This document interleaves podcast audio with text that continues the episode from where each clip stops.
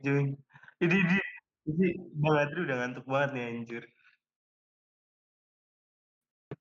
Udah recording kan ya? Oke. Lu lu Uh, lu pengen cepet-cepet tidur kan? mantap. Oke, recording action. Halo guys, balik lagi sahur on Discord.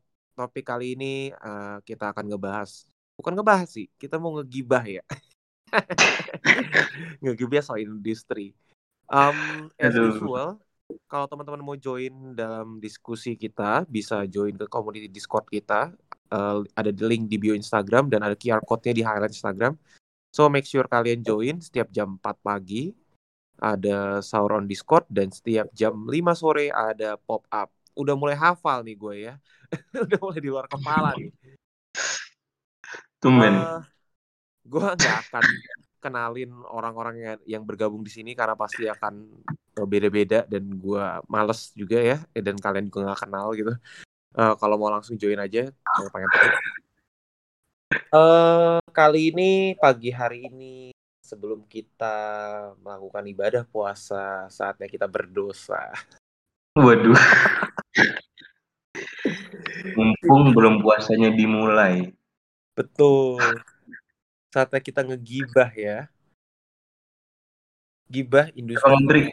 Uh, industri apa sih yang mau lo omongin sebenarnya? Nah, karena banyak nih yang bisa digibahin ya. Cuma pancing dong. Lu mau denger dari industri apa? Anjir. pancing dong, Da- pancing da- dong. da- dari yang dari yang lu tahuin juga deh. Kalau gue sih ada beberapa insight dari kayak kayak apa kayak sisi gelapnya dari industri film sih gue agak agak sedikit mengerti. Jangan yang jauh-jauh, yang lokal-lokal aja. Makanya apa eh eh, lu dulu lu tuh apa sih? Gue aja gue aja ngeluh gak tahu background lu apa. Pancing dong guys, Penggunting pancing lu dong. kemarin. Penggunting apa lu kemarin motongin apa? Gue lupa. Kenapa, kenapa? So, kenapa? Kemarin lu guntingin apa yang gue kira lu kerjaannya itu kan? Kenapa, kenapa lu bawa-bawa itu dong? Itu personal sekali. Tidak ada urusannya. Penonton Siapa aja, siapa tahu itu kerjaan Anda. Kan nggak ada yang tahu. Pendengar kita di Spotify tidak ada yang mengerti referensi jokes itu. Tolong dong. Oh iya lupa. Kenapa dibawa-bawa gitu. Eh, Oh iya. Oke, gue gue kalau paling suka ya, ini mungkin sekaligus mau ceritain sedikit Hmm. project, bukan project sih, eh, impian gue mau bikin project dokumenter. Jadi eh Anjay. gak apa-apa deh ceritain deh, siapa tahu ada yang walaupun bukan gue yang bikin, siapa tahu ada yang jalani visi gue gitu. Eh, Amin. Gue mau bikin dokumenter tentang eh, sebenarnya konsepnya sama kayak The Office, cuma bedanya ini versi media. Jadi eh gue pengen ceritain moku- mocking orang-orang wartawan-wartawan jurnalis-jurnalis di bidang hiburan terutama film. Eh banyak banget nih cerita-cerita yang bisa di mocking gitu loh. Kenapa kenapa gue berpikir seperti itu? Karena ketika gue terjun ke dalam dunia entertainment eh specifically di dunia hiburan gue melihat waduh banyak banget orang aneh-aneh. Terus uh, banyak banget eh kritikus-kritikus yang aneh-aneh. Banyak banget orang-orang media tuh yang kita pikir dulu eh memang ya nggak tahu ya karena referensinya benchmarknya mungkin media-media luar negeri ya. Jadi kita pikir kayak keren begini. Ternyata kalau di Indonesia tuh di lokal aneh-aneh. Terus kayak nggak jelas maksudnya kayak men lu kayak nggak tahu deh gue nggak ngerti Kenapa aneh-anehnya itu ya? Iya terus kayak gue pikir wah ini kalau dijadiin dijadiin mau komentari kayaknya lucu banget sih ini gue mocking habis-habisan gitu. Mungkin karena gue suka ngeledekin orang aja kali ya. gitu.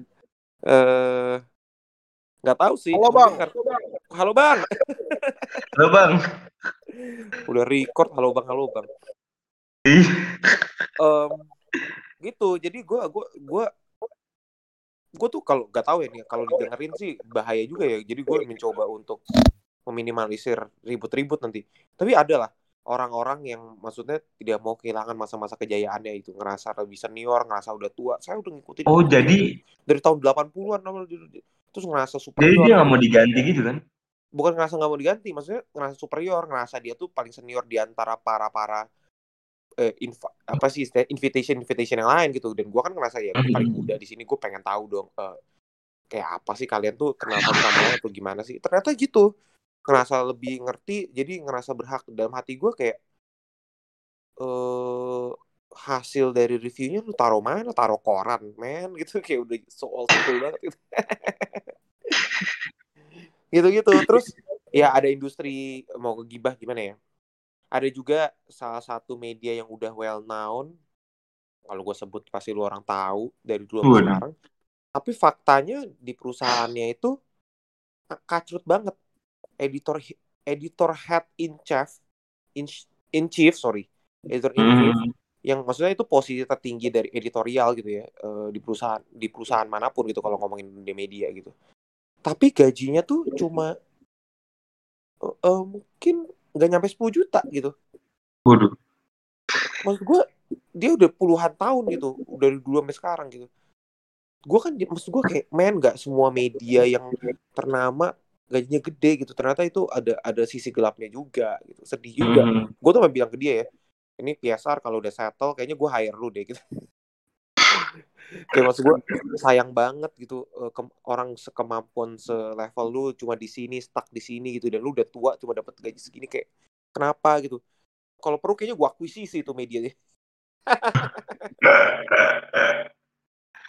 gitu jadi banyak banyak eh ini dari dari industri dari industri film belum ngomongin industri musik lah apalah gitu eh tengil-tengil orang-orang artis-artis musisi-musisi tuh tengil-tengil terkenal juga kagak tapi ridernya banyak banget gitu. Macam-macam. Hmm, gitu. hmm, hmm. Eh, ya gitulah. Terus oke. Eh tapi dari tadi gue mulai cerita. Coba cerita dong yang lain dong. Mumpung yang masa yang berdosa gue gua doang gitu. Kalau gue sih sempat dapet insight dari orang dalam eh, temen gue temen gue itu eh, btw dia tuh ngerjain sempat pernah ngerjain feature film eh, sebagai chief juga sebagai salah satu chief departemen eh, bagi bagian departemennya gitu loh. Dia tuh ngasih tau ke gue waktu itu kayak dia tuh bilang kalau lu tau gak sih kalau feature itu di, terutama di bagian gua di bagian departemen yang salah satu departemen nggak semua sih nggak semua memang Eh, departemen-departemen yang yang nggak terlalu tinggi-tinggi banget tapi cukup penting di sebuah film itu. Yang paling concern itu di ini apa nggak nggak tahu ya ini bakal bakal bakal berlaku untuk semua eh, film atau kayaknya enggak deh. Cuman dia itu pernah ngerasain kalau kalau gaji itu bener-bener cairnya 4 sampai 6 bulan. Gila banget Padahal perjanjiannya itu dari tiga bulan. Sampai dia itu di bulan 5 dan 6 atau 4 4 ke 6 itu bener-bener makannya seadanya banget. Kayak di situ kayak di situ kayak baru ini aja kayak oh, jadi se, se kayak gitu ya. Terus habis itu gue mikir kalau ah kayaknya salah deh gue masuk industri film. Terutama feature gitu Tapi kalau ngomongin soal settlement pembayaran memang kayak gitu gak sih? Maksudnya nggak nggak cuma berlaku di industri film. Gue juga banyak mendengar teman-teman gue Hmm. di industri yang lain ya. Eh, Hmm. FFCG lah, eh, yang apalah, FNB dan lain-lain memang banyak Hmm. settlement termin pembayaran tuh banyak yang ngaret-ngaret gitu. Iya. Eh, kayaknya Cuman bukan karena industri film deh, emang Indonesianya aja kali ya. Orang Indo. cuman gini bang kalau misalnya industri apa eh, ngaretnya cuman ngaretnya itu kayak nggak wajar gitu loh. Bayangin dari tiga bulan ke enam bulan bahkan ke sembilan bulan gitu. Itu kan kayak "Ih, kita mau makan apa? gitu. Kayak makanya orang kadang sampai bilang kalau masa kita mesti kaya dulu kalau pengen jadi seniman? gitu. Jadi biar bisa baking hal-hal yang belum ter apa kayak kekurangannya kita gitu. Ya well, em, nggak tahu juga ya gitu. Oh. makanya itu itu kayak gue juga baru tahu kalau dan dan dan dan beberapa departemen itu dari ya yang lu bilang tadi eh, banyak orang yang yang udah di atas itu nggak mau gantian gitu. Jadi dia tuh di atas gitu padahal udah tua. Ya itu banyak lah ya nggak berlaku cuma di industri ini ya di, di semua industri. Eh teman-teman yang lain ada ada ada cerita gibah industri yang lu sisi gelapnya atau yang mau digosipin? yang, yang katanya katanya juga boleh loh. Kata Ini emang bicarain apa sih ini? Yang Kita ngegibah industri aja gitu. oh ya. Yang Kalau yang gua denger sih itu sih apa? Ya mungkin nggak tahu sih apa ini yang di sini pada ngikutin anime apa enggak. Cuma tuh Ya. sebetulnya tuh salah satu studio anime tuh kan kemarin tuh sempet yang disodorin itu kalau nggak salah itu dari stu- studionya Madhouse. Itu tuh kan Ya. kenapa Mhm. jadi pembicaraan kan kenapa kalau Madhouse itu kan anime tuh termasuk studio yang paling berhasil kan animenya. Tapi itu ternyata tuh ken- kenapa animenya yang dibikin tuh nggak pernah lanjut ke season 2 tuh ternyata ternyata tuh ada, ada skandalnya kayak gitu. Skandalnya itu ternyata tuh kan hampir rata-rata di Madhouse sendiri itu eh, karyawannya itu dari pekerja freelance. Tapi pekerja freelance-nya itu justru dibayarnya itu apa dibayarnya itu walaupun udah ngelembur itu lemburannya tetap nggak dibayar terus per satu bulan itu tuh apa jam kerjanya itu lebih dari di atas rata-rata itu gua lupa sih Oh, Oke oke oke. Agak putus-putus ya bro, tapi nggak apa-apa tadi kita, kita get the idea. Eh, oh iya iya oke ya kayaknya memang industri kreatif kendalanya selalu di situ ya, di duit duit dan duit ya. Eh, ya ada yang dianggap lembur, mungkin karena banyak-banyak yang masih belum menghargai industri kreatif sehingga ya segini dianggap oke. Maksudnya value-nya tuh sangat fake banget, bisa diukur, nggak ada parameter yang pasti gitu. Em, ya nggak tahu deh, pusing gue. iya sih iya. kayak gue juga bingung gitu kalau menghargai suatu karya tuh kayak nilainya gimana ya gini kegedean kemahalan atau kemurahan atau memang layak gitu ya well ya gitu deh pakai hati nurani aja gitu But kan anyway. mungkin mikirnya kan ya karena ada bantuan teknologi harusnya paling lebih murah kayak gitu ya orang apa manajemennya mikirnya kayak gitu ya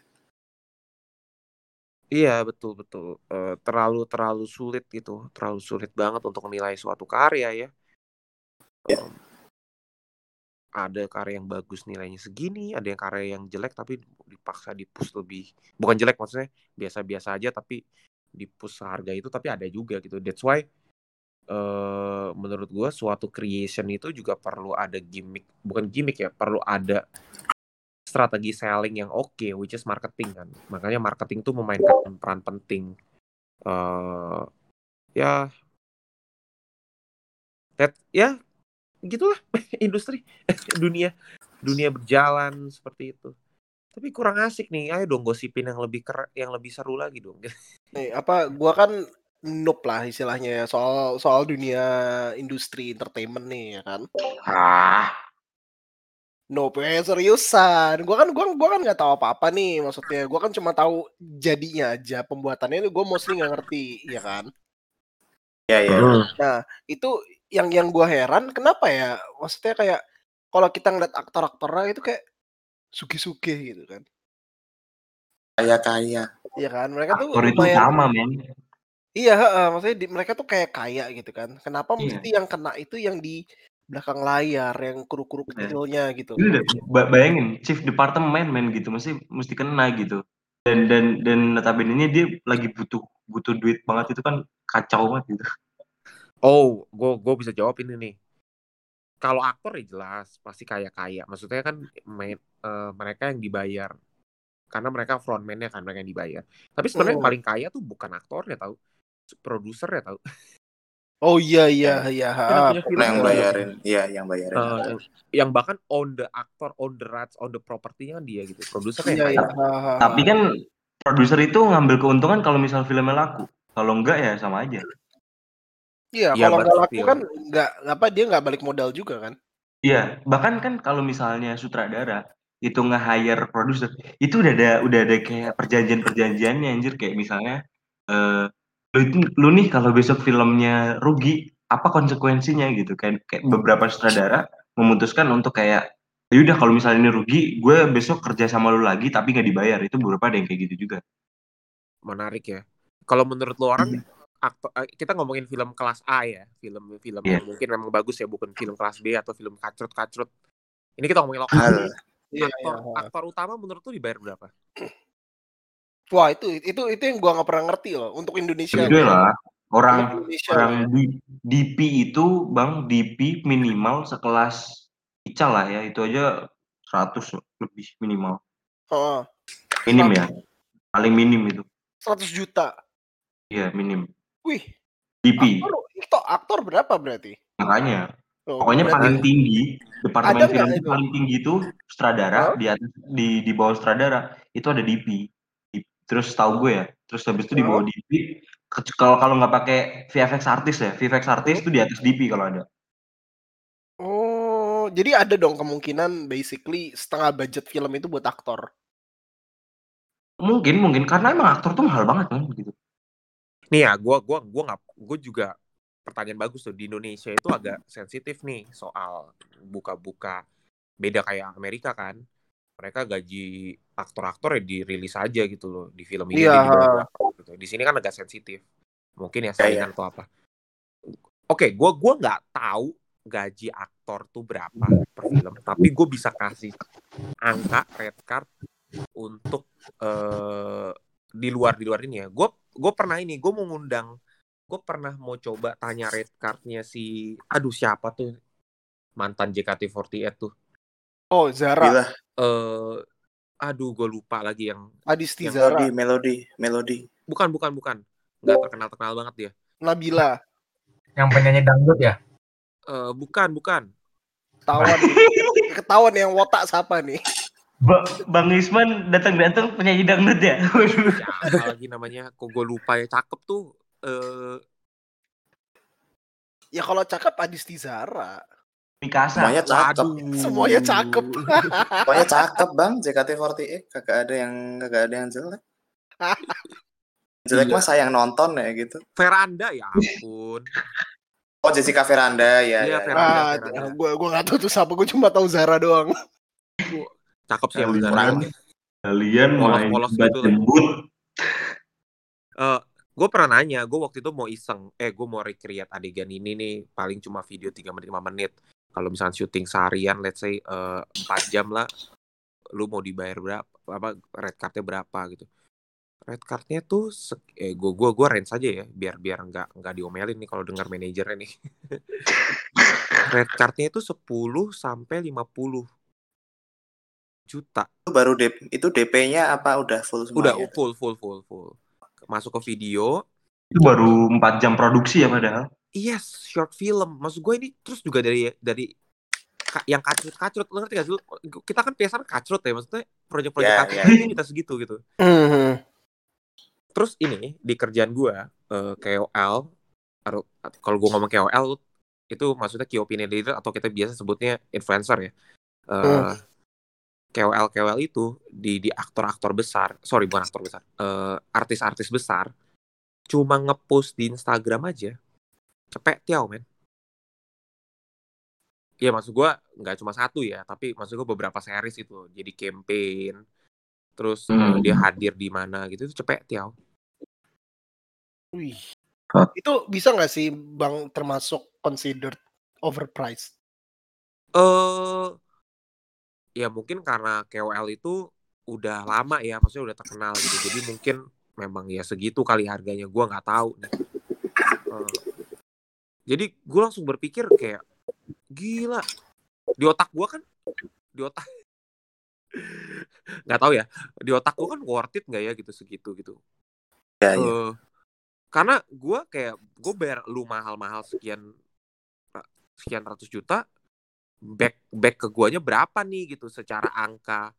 Kan gue gue kan gue hire lu untuk ngepromosin produk gua nah produk gua tuh balik modal nggak nih dalam tanda kutip kayak pembelian sales nggak gitu terus ada yang kalau kalau konteks PSR mungkin followers gua nambah nggak gitu kalau gue bayar mahal-mahal terus kayak followers gua nggak nambah ya ngapain gitu kayak gitu di otak gue tuh kayak Iya.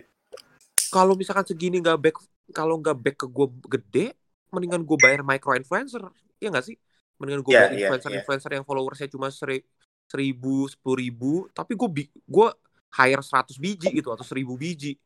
Kok berapa biji ya gitu kesannya kayak kayak kayak Ya, ya. gue denger tuh salah satu apa repertuarnya Okarin ya kan Okarin ya Friends Friends ke bawah itu. Itu ada jadi dia dulunya waktu dia sebelum jadi influencer waktu dia mulai naik dia kalau garap namanya paid promote itu serius banget gitu loh. Jadi orang tuh pada ke dia semua ya kan? Terus nggak lama akhir-akhir ini dia tuh garap tuh kayak kayak nggak serius gitu loh rate-nya rate-nya gede banget tapi digarap dengan nggak serius orang jadi kayak skip skip skip gitu loh alhasil mereka bayar mahal dapetnya nggak nggak banyak Nah, itu tuh kan masuk ke strategi ya. Itu tuh kalau orang marketing pinter, mereka nggak akan nyaranin tuh paid promote aja gitu di paid promote yang yang sembarangan gitu. Bener-bener bener kata lu bener banget. Itu tuh jadi gua gua gua tuh mulai bisa ngejudge orang mana yang memang pinter. Ini in- ini udah ngomongin industri ini ya, industri entertainment ya. Mana yang pinter bayar orang untuk promote tuh. Terus gue pengen ngeliat nih, menurut lu gue gue gue kalau mau ngatain orang gini menurut tuh kalau gue bayar ini eh, strateginya gimana? Iya bikin aja pay promote gini bayar influencer. Udah pasti selesai pasti laku. Really gitu. Really. Emang sesederhana itu ya gitu. Gitu. Jadi gue bisa ngeliat tuh kalau misalnya dia mikir eh dia bisa ngomong kayak eh, sesuai personanya nggak bisa nih satu produk semua pasti laku di ini. Kalau dia udah ngomong gitu terus marahnya alhamdulillah ini tanda bahwa sudah saatnya kita sudahi. Padahal udah udah nggak boleh gibah ya. Boleh aja sih sebenarnya. Dan kita gibahin kan bukan bukan orang yang kita gibahin kan kenapa sistemnya kayak gitu kan? Sistem kan bukan pribadi apa bedanya sama kita sama mama yang komen-komen puasa puasa? Ya well well soal soal apa? Soal eh, soal KOL gitu menurut gua memang strateginya men- menarik sih unik sih. Eh harus perlu pertimbangan lah. Tapi ya harganya menurut gua nggak make sense sih. Gua kalau udah terkenal itu ya maksud gua gua nggak akan pasang harga segede itu sih. 100 Nggak make juta ya sih banyak loh 100 juta tuh. Iya. Iya Lu dibeliin kerupuk dapat berapa tuh? Returnnya juga nggak make sense gitu. Return of investmentnya juga nggak ada gitu. Mending gua bayar orang konten create konten deh gitu. Bisa buat sampai enam bulan kali. Ya, 100 juta kan harusnya kan logikanya ya. Kalau namanya marketing gue bayar 100 juta gue dapat 150 Heeh. Iya kan? Harusnya kan ya? Ya iya iya iya ya aneh banget. Tapi Ya, akhirnya well. jadi tuh jadi tuh bang yang Jessica Verandanya tuh. Nggak jadi lah waktu itu nggak ada duit gue terus kayak waktu itu konsep belum mateng. Oh iya. Sebenarnya sebenarnya waktu itu gue mau modus sih kayak ya nothing Oh, tulus lah Veranda nothing ya? tulus ya Jessica Veranda. Iya gue mau modus gitu kayak sebenarnya Astagfirullahaladzim. Cantik loh sumpah tuh cantik. Mana sih? Gue coba cek IG-nya lah mengganggu sekali nih suara-suara suara-suara masjid. Eh gue ngomong begini nanti gue di ini lagi. Eh, eh, eh, eh, tolong. nanti anda disus diomelin lagi gue kak jadi maksud anda anda menganggap suara-suara masjid ini mengganggu gitu? Iya ya kan iya. Tar tar mic gua apa? Tak aku matiin dulu mic gua. Oh ini toh Jessica Veranda iya iya. Enggak Masih cakepan Pevita Pierce ah. iya oke. Gitu gitu. Banyak banyak memang banyak eh, di belakang layar tuh banyak kejadian-kejadian yang macam-macam lah. Oh nggak usah. Nggak usah nggak usah yang ini deh. Nggak usah yang terkenal terkenal deh. Temen gue yang masih minor minor maksud gue eh gue gue juga bingung. Gue sempat berca- bertanya lu tuh bisa dibilang influencer nggak sih? Maksud gue kayak eh, lu aktif banget di Instagram dan dan memang beraktivitas layak influencer gitu tapi sebenarnya Oh lu ada nggak sih yang di- dibayar untuk itu? Iya, ada Andri. Gue sih masih kerja kantoran gitu, tapi kalau berharap inf- berharap kerja influencer tuh nggak bisa karena musiman. Kadang-kadang dalam waktu sebulan bisa lebih dari gaji gue, kadang-kadang nggak ada sama sekali gitu. Nah, eh gue gua gua juga bingung maksudnya apakah ini termasuk influencer atau enggak gitu atau gimana. Tapi sih gue bisa bilang dia micro followersnya sih cuma ribuan, nggak nyampe sepuluh ribu bahkan itu Oh. aja ya eh ketika ada project gitu misalkan diundang untuk eh kalau influencer kan kayak diundang terus kayak minta tolong kayak mereka liput aktivitinya di Instagram story mereka gitu atau di post itu aja tuh banyak yang kayak dalam tanda kutip orang yang punya produk dan bayar mereka tuh kayak nawarin kayak kamu mau nggak gitu lebih sama saya Eh, nanti saya kasih lebih deh ini saya bayarin ini ini ini, ini tapi kamu jalan sama saya bla bla bla bla gitu itu banyak banget banyak banget dan gue kaget gue pikir itu cuma berlaku di ini ya di artis-artis besar gitu tapi ternyata influencer-influencer kecil aja digituin gitu Oh, enggak kok, Bang. Iya, emang bener itu. Kayak kayak kayak, kayak misalnya gini lah. Lu pasti ada kan beberapa temen lu yang tadinya akun Instagram itu biasa, normal, layaknya layaknya orang awam lah, kayak kita-kita gini kan. Isinya kan, tapi terus tiba-tiba jebret isinya pet promote. Gue lagi pakai makeup ini nih, eh beli beli dari apa? Beli dari toko online ini nih. Terus lu kayak, aduh, gue udah dapet ini dari artis yang gue follow. Kenapa lu juga ikutan? Ada kan pasti kan? Pasti pasti ada gitu. Ya nih eh tapi gue bingung ya. Akan ada selalu sih indus- eh, sisi gelap sisi gelapnya. Maksud gue ini juga salah sistemnya nggak juga. Eh ya nggak tahu lah gitu. Coba tanya kita tanya Isman. Isman kan dari sisi mungkin bukan di industri media hiburan ya lu dari sisi media industri politik mungkin ya gue gue pengen dengar politik tuh lu harus dengar Isman cerita eh, industri, indu- politik itu bukan industri ya tapi mungkin sisi politik Amat sisi politik. gelapnya Ngeri, ngeri. Gimana Bang Isman? spill dong spill dong spill Pertanyaannya gimana? coba lu ungkapin sisi gelap dari politik kita kan lu sering bergaul dengan pejabat-pejabat nih sebagai Ya, orang yang pernah liputan khusus atau eh, jurnalis ident in- investi investigasi Invest investigasi Ini, investigasi di Alexis coba yuk cerita yuk ini Bang Adri tuh melihat Bang Isman kayak kementerian kreatifnya ya dikira gaulnya anak-anak menteri gitu enggak enggak. Kalau anak-anak menteri mau kenal sama sekali. Em, soal politik dan industri sendiri.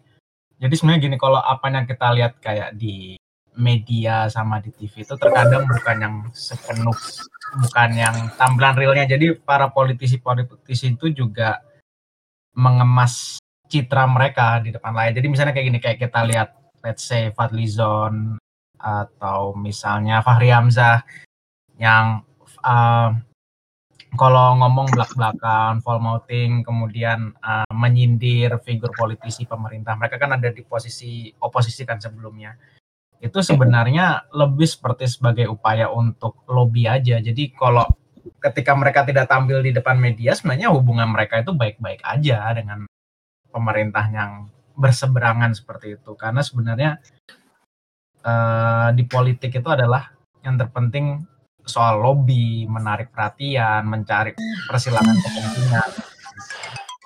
Nah, uh, kemudian kenapa ke, banyak politisi kemudian memiliki bisnis-bisnis media? Itu salah satu tujuannya ya untuk meng mereka seperti itu dan mereka jadi memiliki uh, kanal atau corong untuk kemudian menyuarakan menyuarakan pendapat mereka dan kemudian menyuarakan kepentingan mereka seperti. Jadi kayak misalnya Abu Rizal Bakri punya TV One, lalu uh, Surya Paloh punya Metro TV itu sebenarnya atau misalnya Kairul Tanjung punya uh, Trans TV itu sebenarnya mereka udah punya perhitungan yang matang banget kayak ini media bisa mereka gunakan untuk apa saja, untuk kepentingan apa saja dan let's say mereka tidak mencalonkan sebagai presiden, medianya mereka miliki pun menjadi daya tawar tersendiri ketika mereka merapat ke kubu tertentu. Misalnya, oke, okay, uh, gue ingin merapat ke kubu lo, gue punya media ini nih. Apa ini gue ini gue akan sangat membantu lo untuk nanti pemilu lo, untuk kampanye lo. Tapi sebagai gantinya gue minta misalnya kelonggaran dalam hal kebijakan apa, atau gue minta uh, kasus gue di perkara pajak ini dihapuskan. Jadi sebenarnya politik seperti itu ada give and take, ada persilangan kepentingan, kemudian ada kompromi, kemudian memastikan oke okay, uh, kepentingan lo terpenuhi, kepentingan gue terpenuhi, win-win solution seperti itulah. Singkatnya seperti itu. Kalau dijelasin panjang lebar sih bukan kuliah 30 menit lagi nanti, jadi kuliah komunikasi politik. Mantap sekali penutup yang sangat baik. Kita mendengar sisi gelap dari politik. gue pikir mau cerita pejabat-pejabat mesum gitu men kayak ya udahlah gitu. Uh, nanti gue dijerat dengan undang-undang ITE nanti. Siapa tahu Oh iya juga. Oh iya iya, uh nakutin banget undang-undang ITE Anak- apa-apa. Anak Undang-undang- politik emang emang beda ya bang ya. Iya iya. Gua gua tuh salah satu orang yang gak setuju dengan cyber police loh gitu.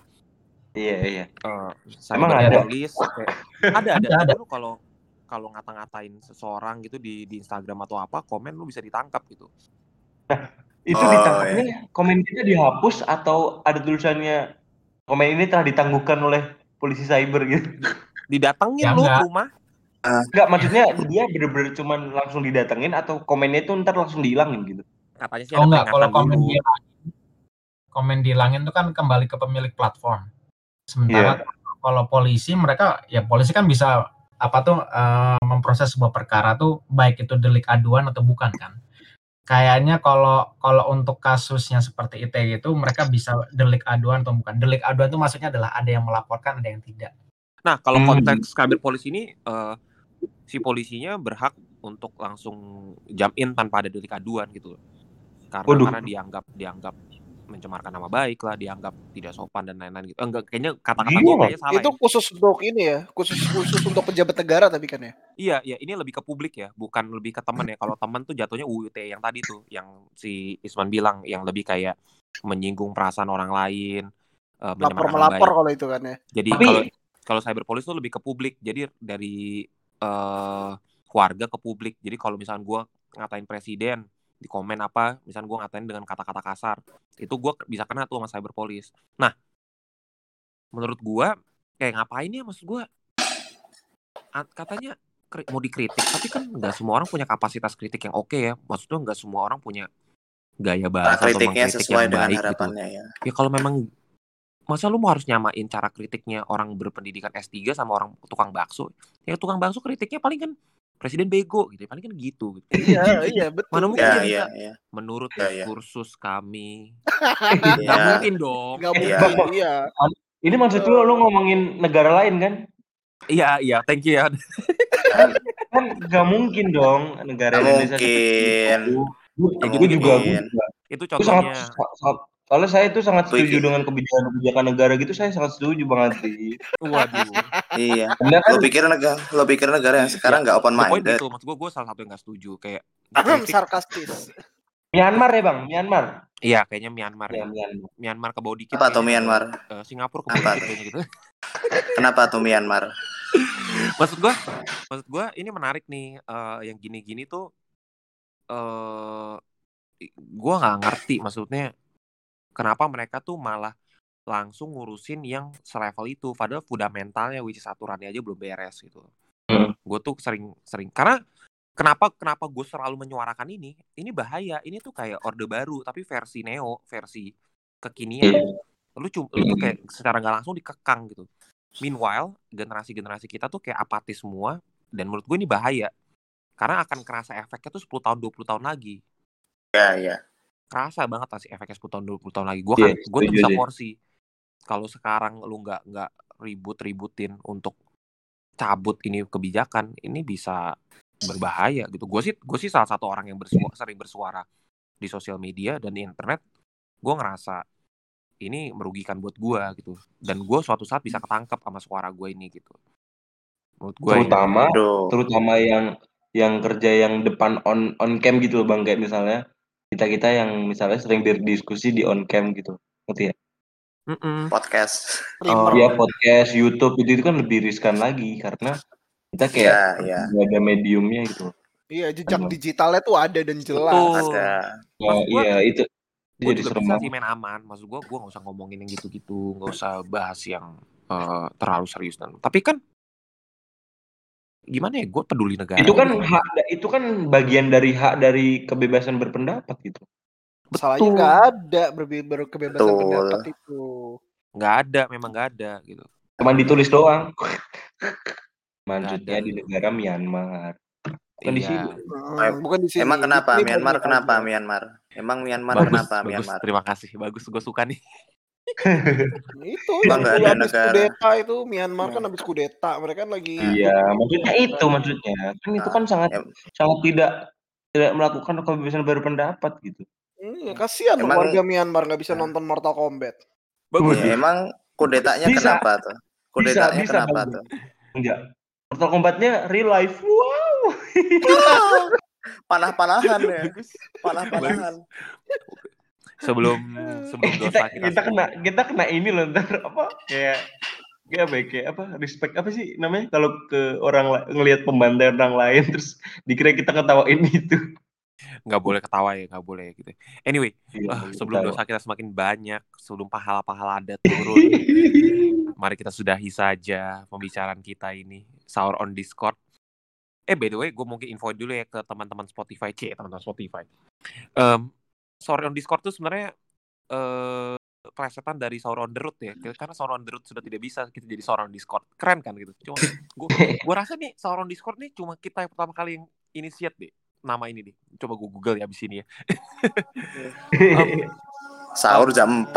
Eh, teman-teman kalau mau join join perbicaraan kita seperti biasa eh, di jam 5 pagi ada sore Discord eh jam 5 pagi Jam, jam 4 4. pagi jam 4 ada pagi. sore Discord dan jam 5 sore ada pop up jadi sebelum eh, buka puasa eh make sure kalian topiknya eh, kalian join komedi di Discord joinnya dari mana bisa ada link di bio Instagram dan QR code di highlight eh IG story make sure kalian eh, join untuk tahu topiknya apa yang dibahas karena topiknya akan diupdate di dalam eh, Discordnya gitu. Discord. So Emang ya, far kita ini udah topiknya diupdate. mengumpulkan ber- ber- berapa berapa puluh, cie, berpuluh-puluh eh, members yang kita akan alokasikan untuk jadi sekte ya. Jadi mereka akan ngebom gitu. Sektenya namanya apa ini, Bang? Sekte apa ini, GX. Bang? GX Brotherhood ngeyel. Iya, Brotherhood. ya. Enggak ya bercanda ya gitu.